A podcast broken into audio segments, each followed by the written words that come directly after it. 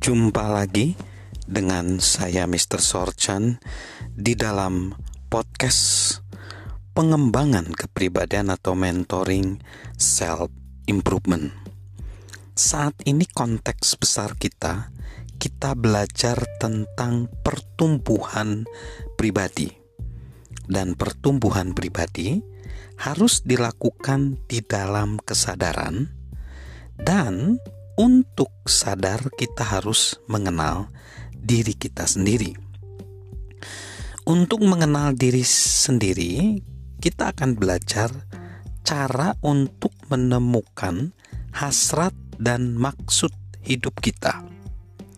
Ahli terapi jiwa Nathanael Brandon menegaskan, langkah pertama menuju perubahan adalah kesadaran Langkah kedua adalah penerimaan. Bila kita ingin berubah dan bertumbuh, kita harus mengenal diri kita sendiri dan menerima jati diri kita sebelum kita dapat mulai membangun. Berikut ini adalah 10 pertanyaan yang membantu kita untuk memulai proses itu. Pertanyaan pertama, apakah kita menyukai apa yang sedang kita kerjakan saat ini?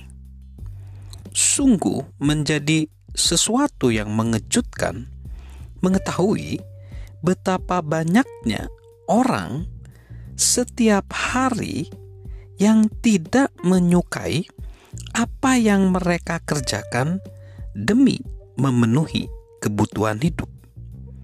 Mengapa mereka melakukan itu? Ya, jelas kita mengerti perlunya memenuhi kebutuhan hidup. Kita semua pernah melakukan pekerjaan yang tidak kita sukai. Contohnya, John Maxwell sendiri pernah bekerja di sebuah pabrik pengemasan daging saat dia masih kuliah dan dia tidak menyukai pekerjaan tersebut. Tetapi dia tidak tinggal di sana seumur hidupnya dengan melakukan sesuatu yang tidak memuaskan bagi dirinya.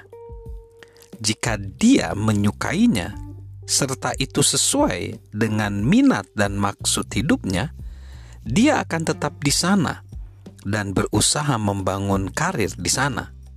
Namun, itu bukan yang dia inginkan.